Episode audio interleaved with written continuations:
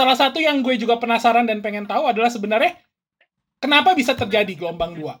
Kita bukannya mau menyalahkan orang-orang, eh ini, ois, hati-hati ada nyamuk. Bisa-bisa nyamuk ganggu podcast kita ini. Berani-berani dia jadi nyamuk. nyamuk. mungkin mau dengerin lo, Bet, tapi lo bunuh. Oh iya bener. Nyamuknya udah pakai headset kan nongklong gitu. Eh, kapan mulainya nih podcast nih? Gimana sih, Bet? Malah dibunuh. Kasihan juga. Kasian dia punya anak, Bet, punya anak, punya keluarga dia.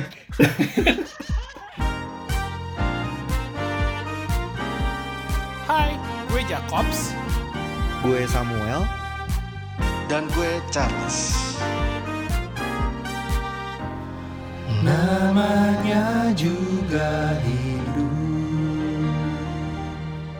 Hai semua, welcome back to namanya juga hidup podcast bersama gue Jacobs.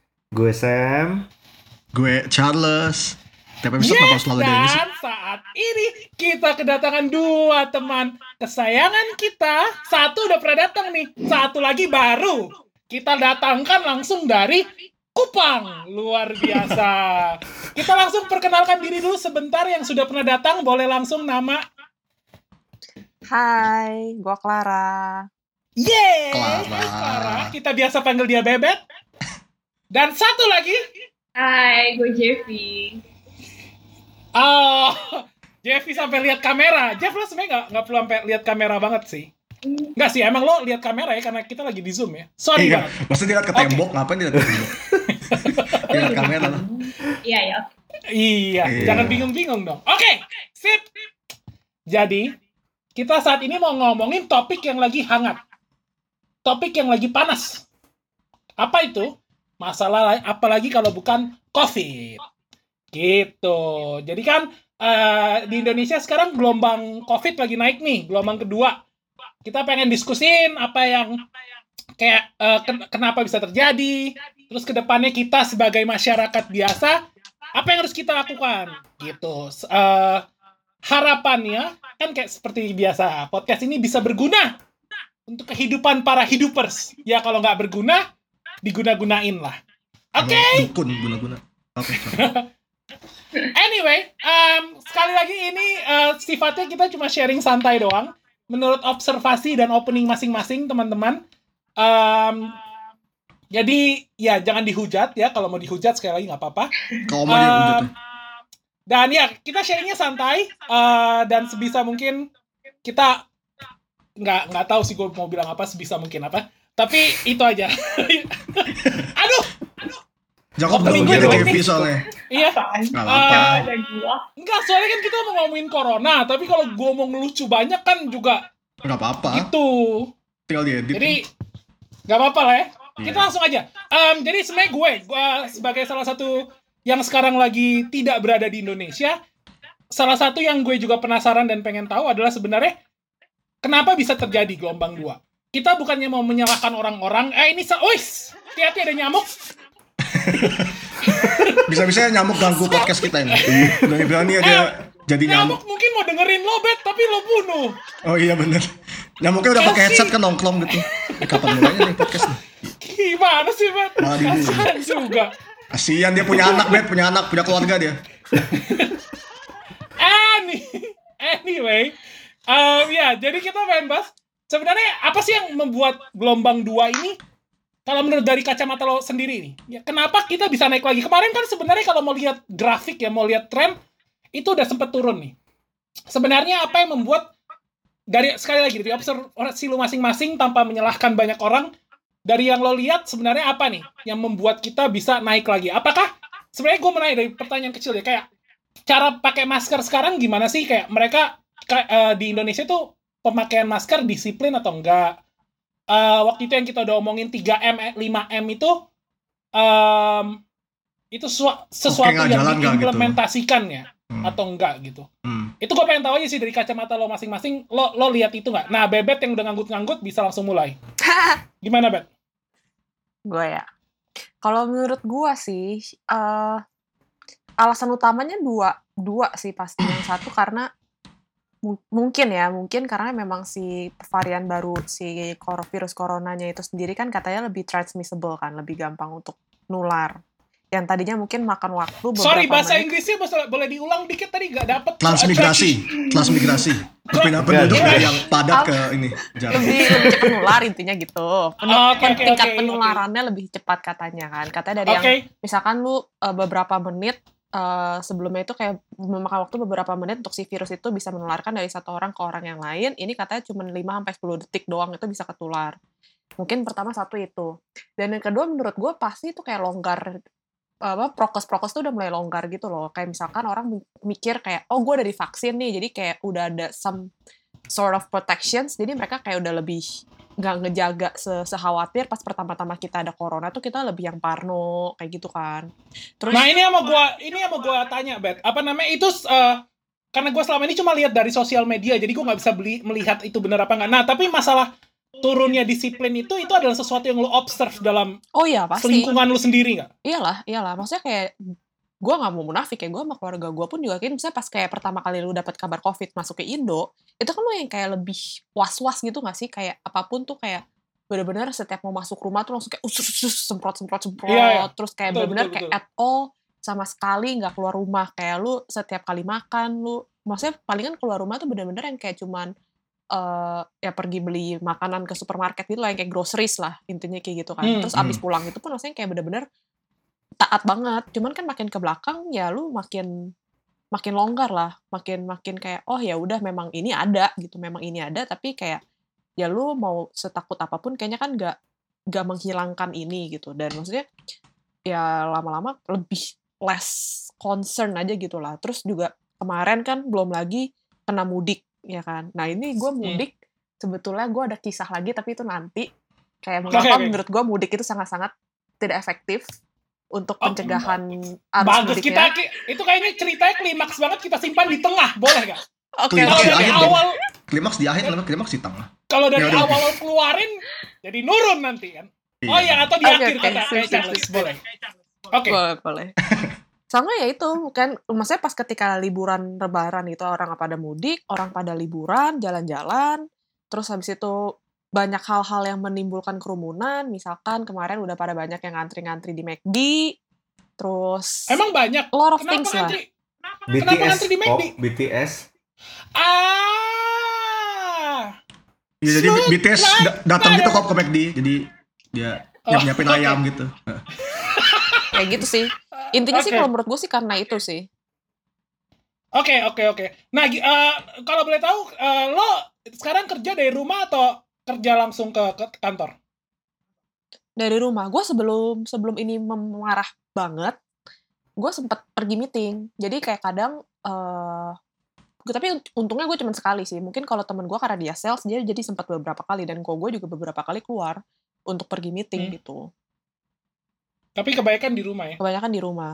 Oke, berarti coba kalau dari Om yang yang tiap hari keluar keluar buat kerja, gimana Om? Eh, penyebabnya sih menurut gue salah satunya juga yang paling menurut gue paling eh, sangat mempengaruhi adalah karena vaksin kan udah banyak nih. Jadi gue juga menilai orang-orang tuh sudah lebih berasa lebih percaya diri. Ah, gue udah vaksin, gue udah lebih kebal mungkin gitu. Jadi ya udahlah, gue memang gue mau keluar rumah, tapi gitu jadi bias gitu karena gue harus keluar rumah karena ini karena itu karena gua eh, kerja di daerah PIK di mana itu adalah tempat olahraga dan gue pun setiap harinya masih nemuin kayak mereka ya udah memang daerah olahraga? Ya gue mau Iya, nanya hal yang sama. GBK, GBK tuh tempat olahraga. di apa Pik bukan GBK, tempat GBK. om. Iya, lo olahraga di PIK. Ngapain main bola di PIK? Pik bukannya tempat itu tanaman apa tanaman apa namanya? Apaan? mangrove Eh, mangrove ke- mangrove, mangrove, mangrove. enggak gue kan di PIK ya gue kan di PIK 2 nah terus habis itu di situ kan orang Oh. kayak pusatnya orang main sepeda lari dan segala macam karena eh, dan banyak banget gitu loh. Tempat sepeda Oh. di situ gitu dan bahkan waktu sebelum ppkm yang ini eh, PIK itu jadi kayak pengganti ancol ketika ancol ditutup dan segala macam semua mau dari Jakarta mana pun berbondong-bondong ke PIK gitu. Apalagi kayak pantai pasir putih dan segala macamnya itulah. Jadi rame banget di situ gitu. Jadi eh, menurut gua penyebab utamanya itu karena vaksin. Eh, menurut karena mereka merasa lebih kebal dan terus habis itu jadi bias antara kayak ya kan gue juga olahraga buat menyehatkan eh, dan sebagai sebagainya lah gitu. Karena gue temuin banget gitu karena tamu gue sendiri dia sepedaan juga nggak pakai masker. Dia olahraga jogging juga nggak pakai masker gitu ya. Om sekarang di kafe lo tapi ada regulasi harus pakai masker gak kalau masuk? eh, sebenarnya tidak ada aturan tertulis sih.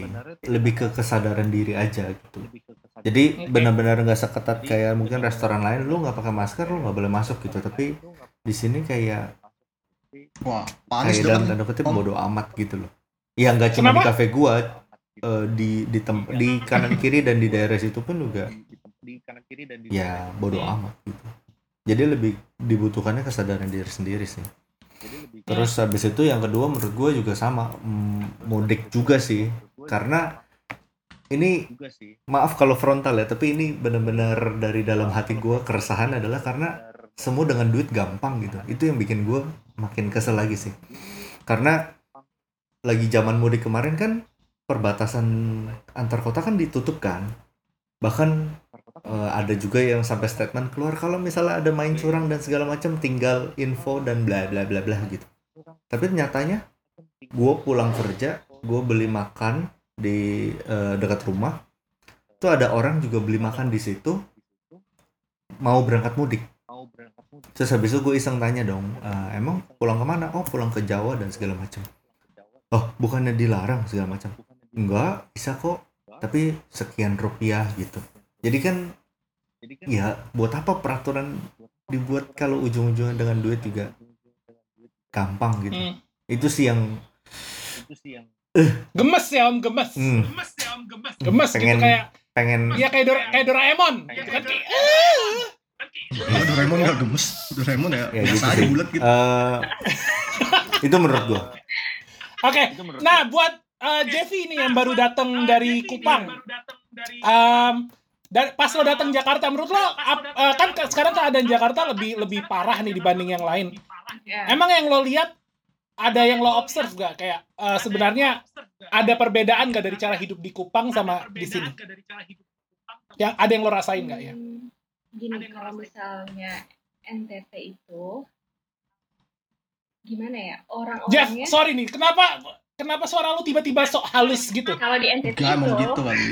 udah udah Nah. dari suara gue Ini Jeff yang gua kenal ini. kalau di NTT Nah, kalau di NTT itu ada dua gelombang Ah. dua gelombang lagi dua kelompok orang ada yang tahu tapi nggak sadar ada yang bener-bener nggak tahu dan kurang pengetahuan gitu kayak istilahnya ya memang dia nggak tahu penyebarannya gimana virus itu apa ya dia bener-bener nggak tahu. Jadi polos aja gitu saya nggak pakai pakai masker juga kenapa mesti pakai masker yang ini? boro-boro jenis-jenis masker.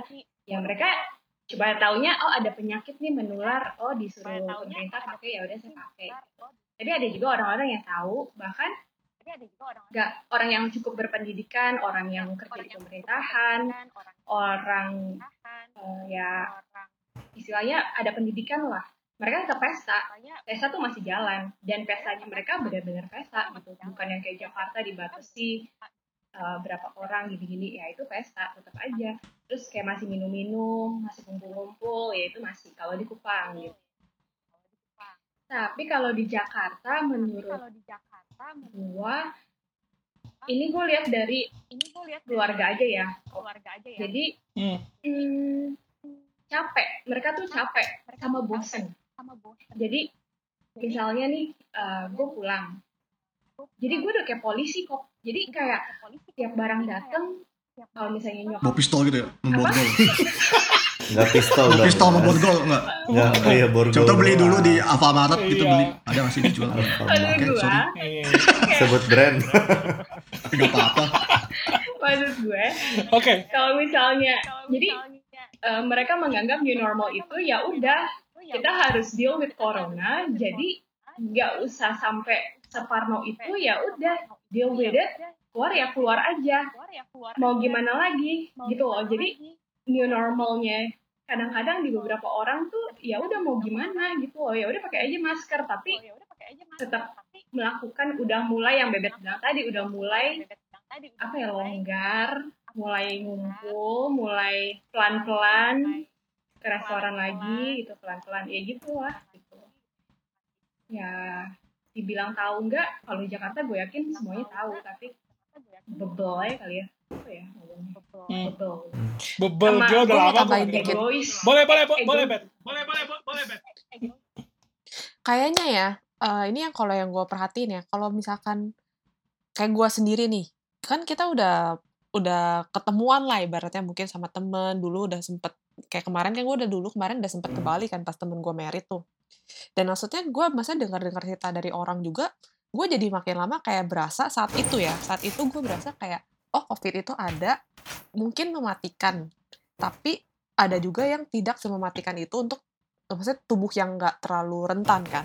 Terus kayak gue udah jadi dengar-dengar kayak oh ternyata kalau pakai masker kayaknya tuh masih aman gitu loh ngerti gak sih? Karena kayak gue tuh dapet dapet beritanya tuh kayak temen gue kayak dia itu eh pakai masker terus habis itu kayak dua hari kemudian temennya itu ada yang dinyatakan positif. Cuman ternyata dia nggak kena pas ketemuan itu karena dia selama pertemuan pakai masker.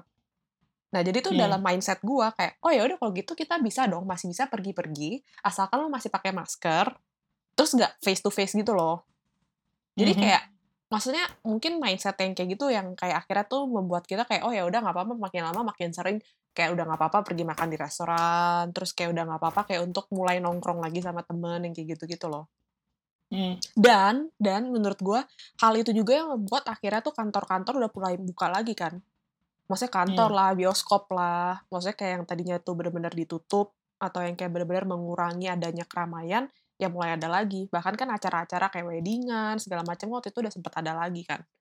Itu sih kayak mindsetnya yang udah mulai kayak menganggap bahwa ini semua tuh fine gitu.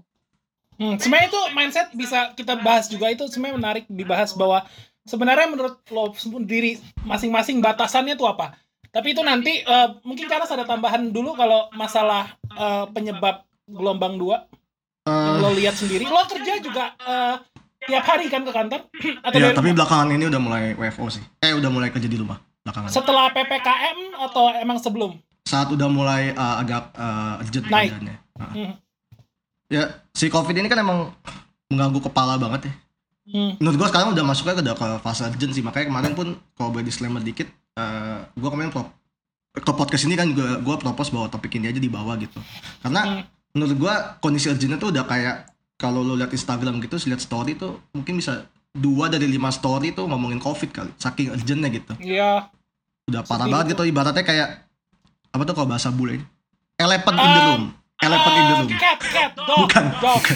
Elephant in the um, room jadi Oh, ele- elephant in the room, gajah di dalam ruangan. Iya, jadi ibaratnya kalau gua sama temen gua masuk ruangan terus lihat gajah kan nggak mungkin gua nggak ngomongin sama temen gua kan. Konteksnya kan sama gitu. Jadi ibaratnya kalau kita mau ngomongin topik apa pun rasanya jadi nggak relevan kalau COVID-nya lagi separah ini gitu kan. Hmm. Gitu. Terus kalau terkait penyebab, gue sih kepikiran satu ya di luar yang tadi yang teman-teman udah pada bilang varian baru dan segala, dan segala macam gitu. Kalau menurut gue sih ini apa? Kita kan selalu dibilang kalau kita tuh harus start prokes gitu ya, prokes, prokes, prokes gitu.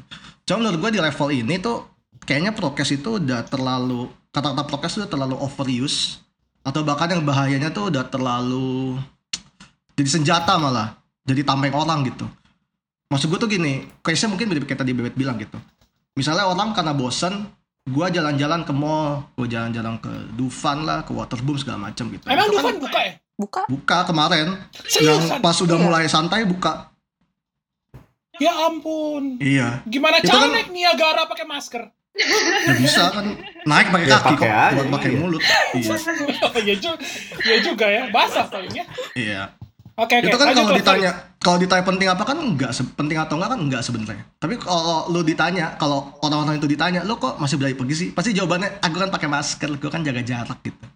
Jadi dia menjadikan prokesnya tuh tameng dia gitu senjata dia gitu. Buat gua pergi-pergi tapi gua punya tameng prokes nih. Kalau lu tanya kenapa sih lu pergi-pergi? Ya gua kan nanti tetap pakai masker tetap jaga jarak segala macam jadinya prokesnya ini udah mulai geser ke jadi tameng gitu. Padahal kan sebenarnya kalau lo mau urutin prok dari semua prokes yang ada kan sebenarnya yang yang paling primer kan adalah lu nggak boleh keluar kalau nggak esensial kan itu sebenarnya. Yang lainnya berlaku cuman kalau lu pergi dan esensial kan gitu sebenarnya. Cuman orang jadi malah jadi itu tameng gitu. Jadi gue pergi ya udahlah penting nggak penting. Yang penting gue pakai masker lah segala macam jadi prokesnya jadi tameng gitu. Hmm. masalahnya kan sebenarnya ya bener sih kalau lu pergi tapi lu jalanin prokes mungkin aman. Tapi kan lu gimana cara lu jamin sih kalau lu kalau pergi lu bisa menjalankan prokes 100% all day gitu? Misalnya ke mall gitu lu pakai masker. Ya mungkin memang ada beberapa orang yang jago bener-bener pakai maskernya nggak pernah dilepas gitu. Tapi kan ada beberapa orang yang turun-turunin gatel lah segala macam belum lagi jaga jarak gitu. Lo kalau ke tempat rame gimana cara jaga jarak gitu? Ini ini uh, bareng-bareng sih. Maksudnya gue pun kemarin ketika udah mulai turun pun tetap sekali-sekali pergi gitu. Kayaknya awal 2021 tuh menurut gue udah mulai turun tuh. Udah mulai kayak vibe tuh kayak kayaknya sekitar gue udah mulai aman nih kayak covid nih udahlah gue nggak apa-apa pergi-pergi Hmm. jadi jadi karena itu sih dan dan apa ya?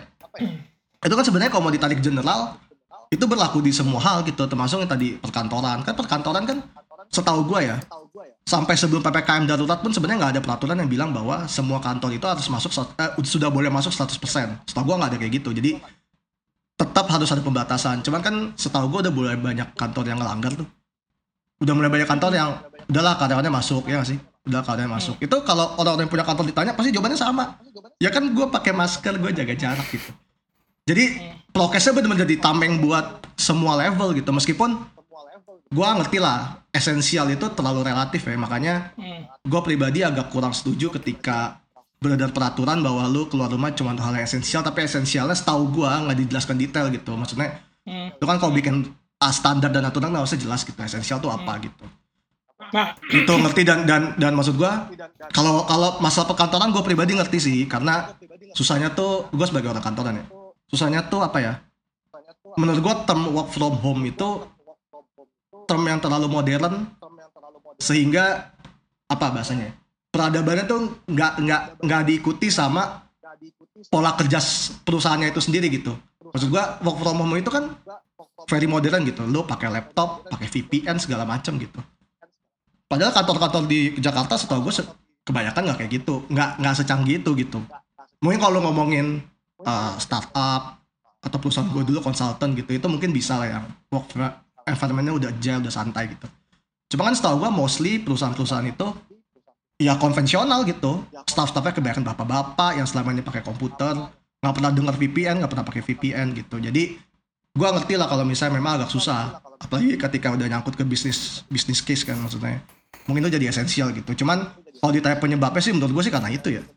Karena intinya sih sebenarnya prokesnya dijadiin tameng gitu lah untuk dia beranggapan bahwa gue ketika jalanin prokes lain selain keluar rumah yang esensial itu kayaknya aman padahal ya prokes untuk dijalankan 100% all day itu susah sih Nah itu dia eh, sebenarnya eh, tadi udah disinggung Charles masalah esensial itu kan tiap orang beda. Nah itu sebenarnya masih bi- bisa kita singgung nanti kita bahas. Nah yang sebenarnya gue mau langsung tanya nih dari dari respon lu semua kan ada longgar. Nah dari yang lo lihat sendiri sebenarnya ada sistem punishment gak sih?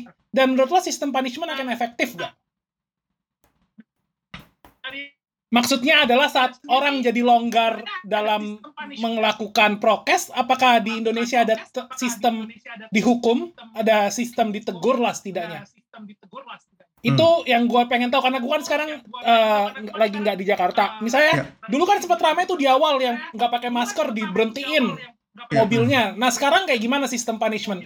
setahu gue Eh, apa- kalau ya eh, setahu gue tuh pas awal-awal itu jalan Hmm. pas kemarin mudik jalan tapi di tengah-tengah itu gue kurang tahu ya. Jadi kalau yang gue tangkap karena gue kan juga nggak bisa lihat setiap jalan di Indonesia ya. Kita kan lihat berita gitu. Betul lihat betul. berita. Kalau berita sih biasa hebohnya pencegatan seperti itu entah di jalanan atau ketika mall ada satgas covid itu biasa tuh kalau di Indo. Jadi ada orang satgas covid yang suka muter-muter. Itu setahu gue sih yang gue baca berita sih cuman ketika case-case mulai tinggi eh, covid awal-awal mudik sama mungkin nanti pas ppkm darurat cuman kalau di setiap kondisi selama satu tahun lebih ini gue kurang yakin sih Nah menurut lo bebet mungkin, eh, menurut lo efektif gak sistem eh, hukuman itu? Sesuatu yang perlu kita terapkan lebih nggak? Enggak. Kenapa tuh, Bet? Bukan nggak mungkin uh, maksud gua selama ini menurut gua sistem hukum itu belum efektif atau belum kayak ditegakkan dengan benar gitu loh di Indonesia. Kayak misalkan Hmm. yang gua tahu nih waktu itu yang sempat heboh kayak pas awal-awal Covid kan diberhentiin terus disuruh ada sanksi sosial Terus, lah, disuruh bersihin atau apa yang Iya. sangat-sangat what the f- itu. Cuman kayak Ya, kalau mau curse juga boleh sih sebenarnya, Bet. Kan kita, kan ini platform terbuka. Oh ya, oke. Jadi Eh, maksudnya gue sanksinya tuh kayak main-main gitu loh. Kayak ibaratnya lu lagi di apa ya mungkin bisa dibilang kayak cuman Ospek di ospek di ospek. iya kayak di ospek atau kayak cuma buat Oh, iya, iya, di konten ospek. gitu kayak ibaratnya kayak Iya, minta tanda tangan. kayak cuma Aduh, Ngapain dia minta tanda tangan Mas- polisi ngapain? Masa lalu kita dulu. Lanjut.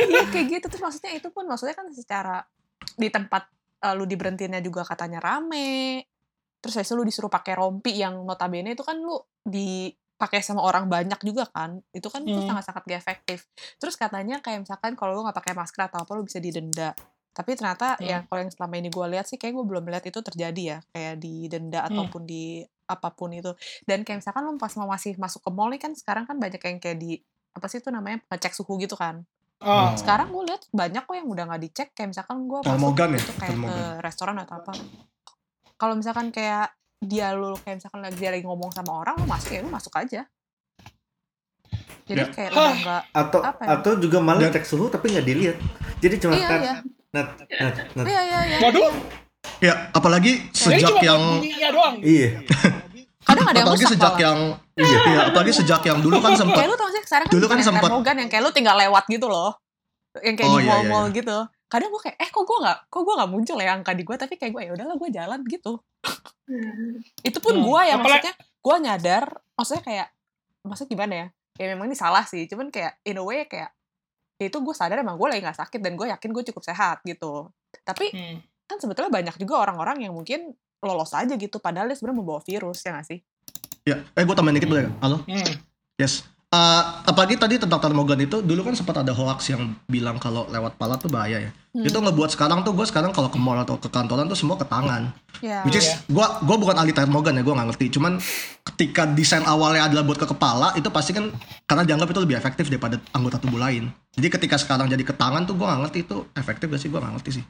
Jadi itu udah formalitas banget lah apalagi covid itu kan gejalanya sekarang nggak demam doang gitu. Ya betul jadinya ya Oke. em, nah, nanti kita bisa bahas lagi dan se- sekarang kita bahas sedikit yang mungkin agak konyol-konyol masalah konspirasi teori yang muncul. Nah, tapi yang mau gua gua mau gue angkat juga kan tadi Jeffy sempat bilang kalau misalnya di daerah di daerah luar Jakarta di daerah eh, di pesisir sana banyak orang-orang yang kurang terinformasi. Nah, dengan kurangnya ter- ter- teredukasi ini Jeff emang lebih banyak konspirasi atau gimana menurut lo? Enggak, bukan masalah konspirasinya.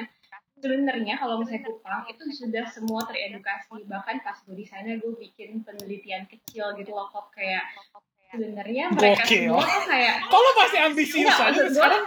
enggak, kalian tuh tahu kurang penyuluhan atau nggak mau atau gimana jadi mereka tahu jadi mereka jawab nih eh, kan ada kuesioner gitu-gitu biasa jadi mereka tahu pengetahuannya baik tapi ini khusus Kupang ya kota Kupang. Hmm. jadi eh, pengetahuannya baik tapi yang nggak dilakuin. ngerti nggak sih? jadi Kenapa? kesadaran Ada alasan nggak? kesadarannya yang nggak ada. jadi mereka merasa eh ya udah nggak nggak penting nggak ada tergerak hatinya untuk ini tuh urgent. Ini- gimana ya? Memang nggak banyak kasus kematian Jeff di situ. kematiannya banyak. Maksudnya bukan kematian banyak. of course kalau misalnya dibandingin sama Jakarta mah nggak ada apa-apanya. Iya iya. tapi maksudnya eh, ada juga banyak gitu loh yang udah terinfeksi dan juga yang meninggal pemakaman covid. Kalau misalnya gue jaga berapa misalnya setiap hari itu adalah kan Kupang kecil ya jadi kalau misalnya jalan muter-muter tuh pasti ada yang ambulan ngeong ngeong ngeong covid ambulan covid. Itu tuh ada gitu tapi mereka apa ya? Kayak kesadaran sih. Kesadaran dari hati. Nggak tahu gue kayak mungkin karakter bebel, aja Oh, kayak iya. Misalnya bebel emang tipikal orang Kita sana bebel. bagaimana gimana? Jadi bukannya tuh tahu udah dikasih tahu udah tahu tapi tetap aja tetap aja Apa Jadi ya? bukan karena jadi se- sebenarnya teredukasi ya, Jeff? kecuali kalau lu bilangnya NTT pojok yang di pegunungan listrik aja susah itu mungkin nggak Hmm. nyampe maksudnya bukan nggak nyampe yang nyampe di mereka hanya ada penyakit virus bahaya pakai masker udah itu aja Jadi mereka belum tahu namanya bisa aja corona atau namanya Charles gitu kan kita nggak tahu siapa tahu virus Charles. Nggak tahu mereka kan. Iya, untuk sekedar nama COVID COVID gitu mungkin tahu lah kok. Tapi maksudnya penyebarannya Hmm. gimana, kenapa itu Hmm. gejalanya gimana, ya mereka ya namanya orang biasa. Nah itu dia sebenarnya yang mau gue bahas karena karena yang gue mikir adalah sebenarnya konspirasi te- teori ini muncul karena nggak ada edukasi. Nah menurut lo lo setuju nggak gara-gara itu? Menurut lo lo setuju atau terus kalau boleh di share tuh konspirasi-konspirasi yang muncul yang konyol-konyol tuh kayak gimana aja sih? Yang lo udah denger gimana les? Gue kira lu lagi ngomong sama Jeffy di baru. Kagak, Jeffy udah selesai. Ya, eh gue sebenarnya agak nggak ngerti ya si konspirasi ini. Maksud gue gini, apa ya? Kalau gue, gue sebagai orang awam, menurut gue konsepnya simpel banget gitu. Gue kalau orang awam, gue kalau ditanya sesuatu gitu ya, apalagi yang basic ilmu pengetahuan gitu kayak medis, ya gue pasti rely ke orang yang kredibel di bidang itu kan gitu gitu konsepnya. Berarti gue gue mau aja nyanyi nih, gue punya tetangga guru les vokal gitu. Ya gue akan dengerin apa yang dia bilang gitu. Bukan misalnya gue punya tetangga lain yang Kang Asep gitu yang tukang warnet gitu misalnya apa kan gue gak mungkin dengerin dia gitu gue pasti dengerin orang yang kredibel konteksnya kalau misalnya medis yang kredibel kan dokter ya gue dengerin apa yang dokter bilang gitu kan kan gitu sebenarnya gue nggak pernah denger dokter bilang bahwa covid nggak ada atau vaksin bahaya atau apa. Gue jujur belum pernah denger sih. Kebanyakan pasti bilang bahwa covid memang ada covid memang nyata gitu. Maksudnya semua konspirasi itu tidak ada lah gitu. Sehingga gue pasti nilai ke situ gitu. Kalaupun misalnya ada dokter yang juga beranggapan gitu kan tinggal nyari tahu. Misalnya penimbunan dokternya ID ya maksudnya namanya ID atau apalah. Intinya nilai kalau yang kredibel lah gitu. Jadi gue bingung karena gue nggak ngerti kenapa orang-orang yang punya teori konspirasi ini merasa dia lebih pintar dari dokter gitu. Itu yang gue ngerti gitu. Basicnya kan ini ilmu medis gitu. Kenapa dia merasa dia lebih pintar dari dokter gitu? Kalau yang gue dengar sih konspirasi mah banyak. Dari yang bilang covid gak ada dulu di awal-awal sampai sekarang juga masih ada sih. Ada yang bilang konsep swab itu juga palsu seingat gue ya. Jadi Konsep apa swab swab. Jadi swab itu bisnis atau Waduh, atau semacamnya lah. Meskipun emang memang dia kalau kira di- ada ada emas dalam hidung. Ya gak tahu gue. Mungkin karena karena itu jadi swab itu kan dulu ya. Sekarang juga mungkin masih sih. Kan kan bayarannya meningkat sesuai jamnya kan. Kan itu mungkin secara logis ternyata seperti Iya bisnis itu kan. juga, iya gua gua juga nggak. Ya, Ya, anyway. mulai dari swab dan rapid itu itu bohongan sampai sekarang kan ada yang bilang bahwa vaksin itu bahaya segala macam. Intinya banyak lah. Cuman ya itu sih gue nggak mengerti kenapa mereka merasa itu beneran ketika dokter aja bilang bahwa itu beneran gitu gitu terus apa ya eh mungkin gua mungkin mereka sebenarnya asumsi gua adalah mereka tahu sebenarnya bahwa covid itu benar ada segala macam. Cuman mungkin karena mereka terimpact banget. Cari sensasi. Iya maksud gua mungkin mereka terimpact banget bisnisnya kena dan segala macam. Jadinya kadang kan orang suka gitu ya. Orang suka gue kayak mau mau berdiri stand di sini nih. Padahal mungkin secara logis gue lebih percaya di sini. Cuman kayaknya gue berdiri stand di sini terus akhirnya baru nyari nyari alasan pendukungnya. Kan orang suka gitu. Hmm. jadinya mungkin gitu juga sih. Cuman kalau tanya gue sih itu sih gue bingung kenapa orang-orang itu kekeh banget sama konspirasinya gitu Hmm, Oke, Om gimana Om kalau menurut lo? Lo lo lo eh, ada tambahan atau nggak ada? Hmm, gua nggak ada nggak ada nggak ada pendapat apa sih tentang konspirasi. Gue cuman dengerin tapi gua nggak tahu dan nggak mau tahu juga karena yang penting gue tahu cara penularan bagaimana terus habis itu ya gue jaga diri gue sama keluarga gue itu aja sih. Oke, bagus. Gimana, Bet? Lo lo lo ada nggak tuh? Ada dong, tentu. ya makanya makanya kita undang Bet. Kalau lo nggak ada, kayak Om, waduh harusnya Om nggak usah kita undang nih. Oke bye guys. See you. Gimana Bet? Nggak, karena gue emang demen untuk nontonin konspirasi sih. Tapi maksudnya Hmm. konspirasi COVID menurut gue nggak masuk akal. Cuman kayak orang kan demen ya nggak masuk akal nggak masuk akal. Ya gitu drama dan, drama lucu. dan bergosip drama. gitu kayaknya kan. Iya iya. Banyak sih yang konyol-konyol yang gue dengar kayak misalkan yang paling konyol sih menurut gue yang kayak vaksin itu eh maksudnya takut vaksin karena kalau divaksin bisa bermutasi jadi zombie katanya. Uh ini Keren. keren. Terus ada yang bilang vaksin katanya ada micro atau nano chip gitu kan untuk lu di monitor atau kayak whatever Waduh. itulah. Jadi kayak nggak mau vaksin. Kayak lu kayak di apa sih kayak didengar atau di apa apa sih kayak disadap ya atau gimana lah gitu pokoknya kayak di monitor gitu lah Hmm. intinya kalau dimasukin Di some, tracking, some di sort of tracking ya. ya. Iya, iya, ya kayak gitu kayak some sort of nano or microchip gitu. Terus ada yang bilang lagi, tapi kalau yang ini yang yang mungkin agak lebih sedikit make sense, tapi gue sangat against itu bilang ya itulah yang kayak misalkan eh, tes swab covid dan itu memang cuman sekedar bisnis dan apa ya kayak eh, manipulasi dari pemerintah atau kayak politisasi lah gitu. Terus ada yang bilang juga eh, COVID itu tuh nggak berbahaya sama sekali. Itu tuh cuman another new virus kayak kayak common flu aja gitu tapi dibesar-besarkan oleh pihak-pihak tertentu gitu terus ya tapi ada satu sih yang mungkin gue agak sedikit percaya tapi maksudnya kayak ya gue nggak tahu ini bener atau enggak tapi ini possible menurut gue yang kayak yang bilang bahwa COVID itu tuh sebetulnya dibuat oleh manusia entah siapa yang bertanggung jawab ada yang bilang pihak A negara A negara B atau kayak perusahaan besar tertentu atau tokoh besar tertentu yang menciptakan COVID untuk menurunkan jumlah populasi manusia agar nanti kayak populasi manusia itu nggak terlalu penuh buat bumi yang sudah Gokil. sangat rusak. Bet, Gitu. menarik nih, Bet. Lo, lo, lo mikir itu possible, Bet. Menurut gue possible sih. Maksudnya gini, maksudnya kayak gue nggak percaya itu 100%. Tapi kan kemungkinan itu ada ya. Maksudnya kayak Iya, gue, tapi Ada. ta- gini gini, stand gue tuh kayak gini. Mungkin perlu gue luruskan ya. Jadi Oke, oke. menurut gue Gak ada yang itu belok-belok di sini, Bet. Kita gak pernah belok-belok. Kita selalu sip. lurus. Sorry, lanjut. Jadi menurut gue itu mungkin, sangat mungkin. Tapi ya, ya maksudnya terlepas dari apakah itu benar adanya, apakah benar itu ada politisasi atau bisnis atau apa pun maksud dari si orang untuk menciptakan virus itu ya sekarang kan kenyataannya memang virus itu ada, virus itu cukup berbahaya dan sangat cepat menular ya kita gimana caranya aja untuk menjaga diri kita sendiri dan keluarga-keluarga dan orang-orang kita sayangin gitu. Hmm. Gitu deh. Oke. Tapi temen eh, gue masih ada loh yang koar-koar di Instagram. Bukan temen, Oh. Iya, ba- bukan temen gue banyak sih. yang core-core di Instagram mah banyak, Bet. Maksudnya keluar-keluar tentang ini, konspirasi. Iya, maksudnya dia bilang eh dia bilang bahwa kayak ya COVID itu sebenarnya nggak berbahaya. Kayak lu tuh nggak usah pemerintah tuh nggak usah terlalu banyak bacot untuk eh, nyerem-nyeremin atau nakut-nakutin warganya. Terus dia kayak kasih kayak Singapura aja udah mau berda hidup berdampingan dengan COVID, bla bla bla bla bla gitu. Ya, I don't- kayak padahal dia bukan orang yang eh, edukasinya rendah loh. Kayak ya seharusnya Hmm. sih, seharusnya dia cukup educated. Hmm. Oke, Gitu. eh, Aneh. mungkin masalah efektivitas vaksin nih. Sekarang dari tadi dari tadi gue juga kita belum mention sebenarnya teman kita yang datang dari Kupang ini adalah seorang dokter loh teman-teman. Gitu. Mantap. Jadi mungkin Dr. Kalau misalnya enggak dari kalau de- nanti Jeffy bisa kasih sedikit pandangan kedokteran kan keren gitu.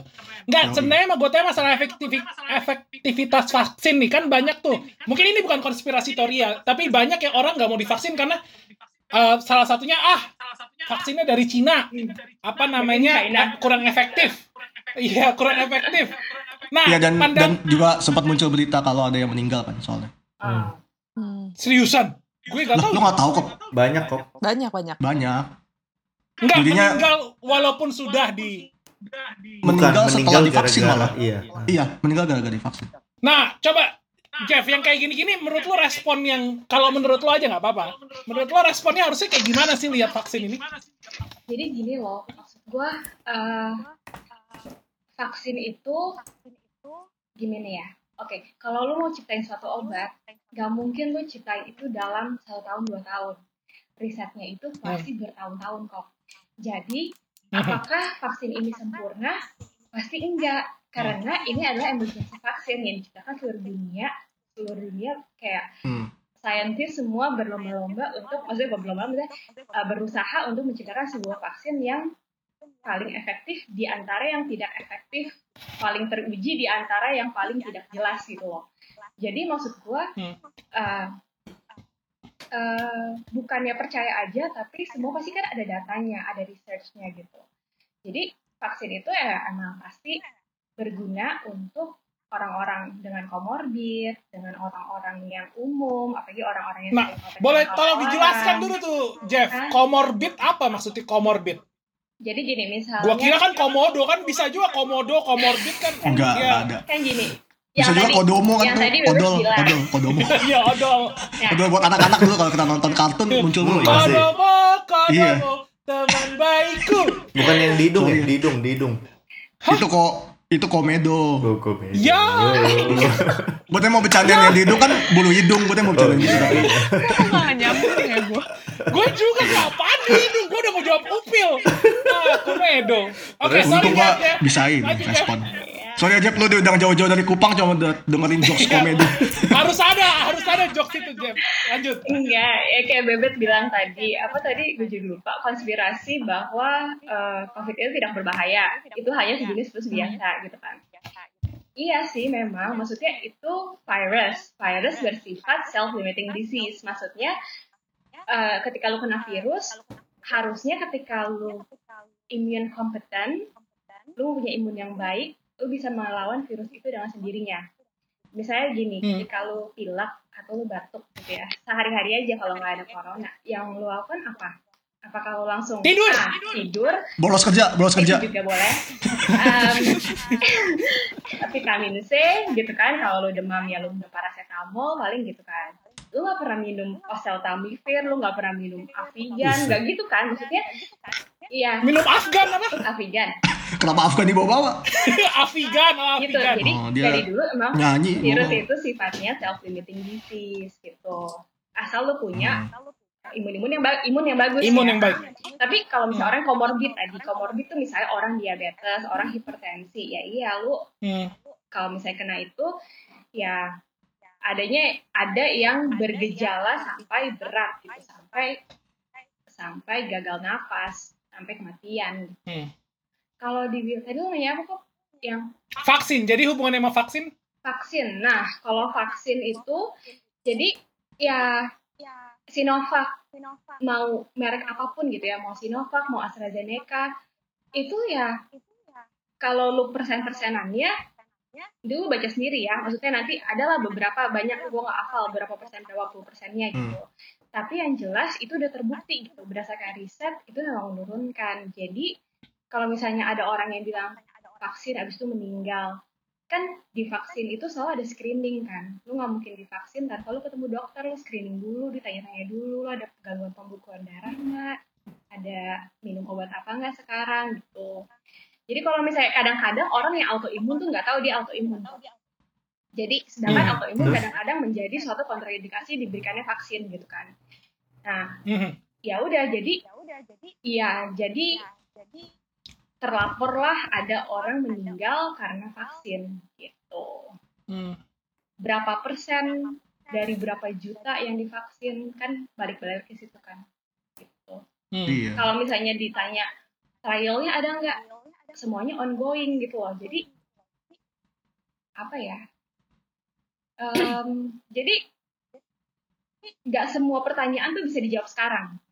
Jadi ngerti nggak? Kok itu bisa kita jadiin quote di tembok-tembok tuh. nggak. Tidak semua pertanyaan bisa Nggak- kita nggak jawab semua- sekarang, Jeffy nggak semua Septiani. pertanyaan awam kan kadang-kadang tiap ada aja yang nanya ke gue gitu ini bener nggak sih Jeff? Ini ini boleh nggak sih? Vaksin tiga kali boleh nggak sih? Gitu kan. Oh AstraZeneca bikin pembekuan darah apa pakai penyumbatan gini bener nggak sih? Kayak iya ada sih memang tapi lo harus baca lagi itu risetnya apa dilakukannya ke mana berapa sampelnya ya kayak ya kayak kan lo PhD nih kok pasti lo tahu dong riset-riset Waduh, gini belum. kayak lo harus Belum, belum, Keren, Jakob. gitu kan Kalau gue sama Om PSD cuman Pizza Hut delivery. Iya betul juga ya. Menilai suatu penelitian itu valid dan berapa reliable-nya itu untuk dibaca gitu loh. Hmm, hmm. Udah gitu. Nah, Jeff, jadi kalau dari kacamata lu sendiri, jadi apakah kalau misalnya itu menjadi salah nggak kalau orang gunakan alasan itu untuk nggak divaksin? Hmm, nah, a- a- ada asas apa sih namanya? Eh, Asas kemanusiaan dan keaji- iya, keadilan. namanya otonomi pasien. Jadi kalau pasien Oh, bilang, bukan. Oke. Nggak tahu gue itu. dok, Oke. saya Ya memang sudah saat selalu nggak tahu kan itu istilah dokter. misalnya dia bilang, Iya. dok, saya nggak mau dirawat di rumah sakit. Gak bisa bu, kalau ibu pulang, ibu bisa meninggal di rumah gitu misalnya. Gak mau, saya tetap nggak mau, pokoknya nggak mau. Ya udah ibu tanda tangan. Saya mau ke dukun Kayak gitu ya. maksudnya ah, Iya, terserah dia. terserah dia itu tubuh tubuh dia gitu tapi kalau Hmm. vaksin eh, kalau alasan-alasannya gimana ya alasan-alasan dari grup-grup WA ya. Yang yang yang hari di forward sama bapak emak gua. Jadi gila sama banget bapak bapak itu grup Ya, Sama keluarga. bapak-bapak mama gak sih? iya semua Iya grup sih. keluarga isinya update gitu loh. Terus kayak aduh ya gitu Terus? terus, kalau sampai mereka nggak mau vaksin menurut gua kayak ya emang sih terserah lu tapi menurut gua bisa di lu pernah dengar gak sih yang Filipin bilang kayak kalau lu nggak mau divaksin lu keluar dari negara ini? Eh, pernah dengar gak? belum pernah dengar tuh. Emang iya? gue salah ya? Jangan jangan. Pokoknya intinya mereka mengharuskan vaksin banget gitu loh. Jadi Oh. kayak Iya, iya. ini bukan masalah perorangan lu tapi dengan lu vaksin lu tuh berdampaknya besar banget buat dunia. Hmm. tuh. Oh, maksudnya Eh, gue bukan bukan keputusan pribadi lu lagi tapi kontribusi lu juga Manfaat bersama. iya gitu jadi beda sama kalau lu diabetes lu nggak mau minum obat ya suka-suka lu gitu yang nanti yang gula darah tinggi tiba-tiba anfal ya lu Ya mati juga. sendiri soalnya ya. ah, ah gitu lah Tuh, Pepet udah emosi banget tuh. kayak ya kalau vaksin kan kan memang mati orang lain ya. iya gara-gara lu nggak divaksin kan rese Sampai sember soalnya itu. tuh Eh, Jeff, tapi kan kayak tadi lu eh, ada sempat bilang ketika eh, mau takut vaksin, tapi kan ada screening dulu, ada apa gitu. Nah, yang sudah terjadi apakah tenaga medis juga melakukan hal yang kayak gitu gak? Contoh, apakah ada pembekuan darah atau enggak? Yang sudah-sudah sih eh, screeningnya tuh cuman ya udah. Sedangkan kita kita nggak tahu sendiri ada pembekuan kita punya penyakit apa dan segala macam gitu. Karena kejadian kemarin staff-staff di tempat kerja pun ya udah hari itu daftar langsung divaksin selesai hmm. maksudnya screening yang katanya tadi sebagai SOP-nya Hmm. apakah dilakukan dengan baik dan benar nggak gitu Hmm. Jadi kalau misalnya screening itu vaksin, dia tuh udah ada apa ya? eh di SOP kayak checklistnya lah, kayak gitu. Hmm. Tapi yang tadi aku bilang kayak nggak semua orang tuh tahu kalau dia punya autoimun, nggak semua orang. Kenapa kok? Enggak apa-apa. Lanjut, sorry, sorry. oke oke oke Autoimun ya, Oke, autoimun. maksudnya siap. nggak semua orang tuh tahu kalau dia tuh punya masalah darah karena itu mesti dicek lab, harus ke dokter, simptomnya belum tentu keluar, tapi dia nggak tahu di dalam diri Hmm. dia ada apa gitu. Jadi kesannya eh, ya bisa juga petugasnya cuma yang kayak ada nggak nggak nggak ya lewat lewat lewat. Ada juga kemungkinannya Hmm. gitu, tapi ya aku nggak bisa ngomong lah ya gimana siapa yang salah ini ini. Tapi hmm, setahunya sih mestinya tenaga kesehatan yang sudah terlatih untuk vaksin itu ada pelatihan loh. Ya checklistnya ya harusnya ditanya anamnesisnya Hmm. bener gitu. Tapi mungkin nggak maksudnya karena itu tidak eh, nggak akurat atau nggak nggak nggak meyakinkan terus makanya jadi orang juga ya jadiin alasan ah gue nggak mau divaksin abis gue juga kan kagak tahu. Orang langsung ditanya terus langsung main langsung coblos gitu. Oh hmm. Wah, susah pertanyaan lu, Jeffy nggak Oke. bisa jawab. kalau misalnya berarti pasiennya nggak yakin sama diri dia sendiri apakah dia termasuk dalam kontraindikasi apa enggak? Jadi dia menolak Iya, maksudnya kalau kan tadi kan Oh. kita kan nggak tahu nih kalau tahu mau pembekuan darah dan segala macam kan Hmm. katanya harus ke lab dan sebagainya. hmm. Dan sedangkan screening untuk meyakinkan orang-orang untuk divaksin adalah tenang kita ada screening kok. Nah, cuman seberapa bisa efektifkah mempengaruhi orang untuk bilang eh tenang aja kita ada screening jadi vaksin aja gitu. Hmm. Maksudnya dari sisi tenaga kesehatan gimana cara meyakinkan si eh, masyarakatnya lu harus vaksin karena kita ada screening, screeningnya akurat dan sebagainya dan sebagainya. Oke, gini, paling semuanya kan kita nggak bisa cenayang orang kira-kira punya apa gitu ya. Ap- Cenayang. apa? Iya iya. Itu bahasa umum kok di Indo. Nggak Iya. bisa di, Iya. ya nggak bisa Cenayang. disiang gitu kan. Ditebak-tebak Ah, ya. jadi Hahaha. pertanyaannya pasti akan jadi banyak banget gitu keluhannya ada ini nggak ada ini nggak ada ini kan jadi lebar banget. Paling kita tanya kayak Hmm. biasanya ada keluhan nggak selama ini ada riwayat penyakit apa sering uh, gejala apa yang paling mengganggu gitu-gitu. Hmm. Tapi balik lagi kalau misalnya memang orang yang nggak yakin, misalnya aku nggak yakin tentang misalnya ada autoimun atau enggak, ya udah kesadaran sendiri aja gitu loh. Maksudnya cek ya kalau misalnya nggak yakin sama diri sendiri ya cek kesehatan diri sendiri gitu dulu. loh. Hmm. Jadi balik lagi ke orangnya Hmm. jangan bersandar pada Pengertian sendiri. Iya dan jangan ngandelin Amin. anamnesisnya si petugas kesehatannya doang gitu. Anamnes. Jangan jadi alasan Iya, jadi iya. nggak vaksin. Oke. Hmm. Hmm. Oke oke oke thank you thank you. Um, jadi kita udah bahas nih sebenarnya penyebabnya apa. Nah kalau kita berhenti di sini, wah kita nggak boleh dong. Nggak afdol. kita harus bahas sekarang apa nih yang harus kita lakuin. So, Eh, dan kok- Sorry, sorry, lo sorry. ada pertanyaan? Iya, gue nanya dikit gak ke Jeffy? Cuma kalau kalau misalnya memang nggak ini nggak apa ya. Eh Jeffy kan mungkin latar belakang sebagai tenaga medis. Gue nggak tahu punya nggak sih kayak teman sekitar sesama tenaga medis yang pernah terjun langsung terkait COVID gitu. Jadi bener-bener ngerawat pasien COVID atau mungkin di rumah sakit pernah kedatangan pasien COVID atau apa gitu dan dari mereka kesusahannya apa sih? Ada yang kayak gitu-gitu nggak yang bisa di share? Kalau ada nggak apa-apa. kesehatan dalam menangani pasien COVID. Iya, maksud gue kan sekarang kan salah satu kenapa ini sangat urgent bukan hanya karena banyak, tetapi keterbatasan alat medisnya juga kan, entah rumah sakit, entah alat-alatnya gitu. Hmm. Bener-bener praktek di lapangannya tuh se- separah apa sih emang? Kalau ya mungkin lu punya kenalan yang pernah terjun langsung. Jadi nih, kalau misalnya pasien COVID datang gitu ya, itu Hmm. ke- harusnya kalau yang dulu-dulu, ya kalau sekarang sih pasien udah datang aja semua ke IGD gitu kan, IGD udah full semuanya. Itu tuh semua apa APD tuh harus lengkap gitu kan. Dan pakai APD tuh Hmm. ya seperti yang kalian tahu itu sesek panas, keringetan di dalam dan nggak boleh bocor dan gitu, cara lepasnya, cara pakai ya semua tuh mesti hati-hati banget gitu kan. Nah itu satu kesusahannya. Tapi Hmm. kayak apalagi ya? Oh pasien perburukan minta bed ICU gitu. ICU itu nggak sekedar bed dan dia gitu. ICU itu butuh uh, ventilator, butuh perawat yang terlatih untuk untuk setel ventilator, untuk perawat pelatih ICU, butuh dokter anestesi, butuh dokter IPD, butuh dokter paru, belum kalau dia ada komorbid lain. Jadi apa ya? eh bukan cuma fasilitasnya, bukan cuma bednya, tapi itu luas banget. Jadi istilahnya kalau satu orang datang, itu tuh kayak dikerebutin semua petugas kesehatan dan memakan tenaga, otak, eh, biaya, rumah sakit semua yang besar banget gitu. Jadi ya itu sih paling kesusahannya.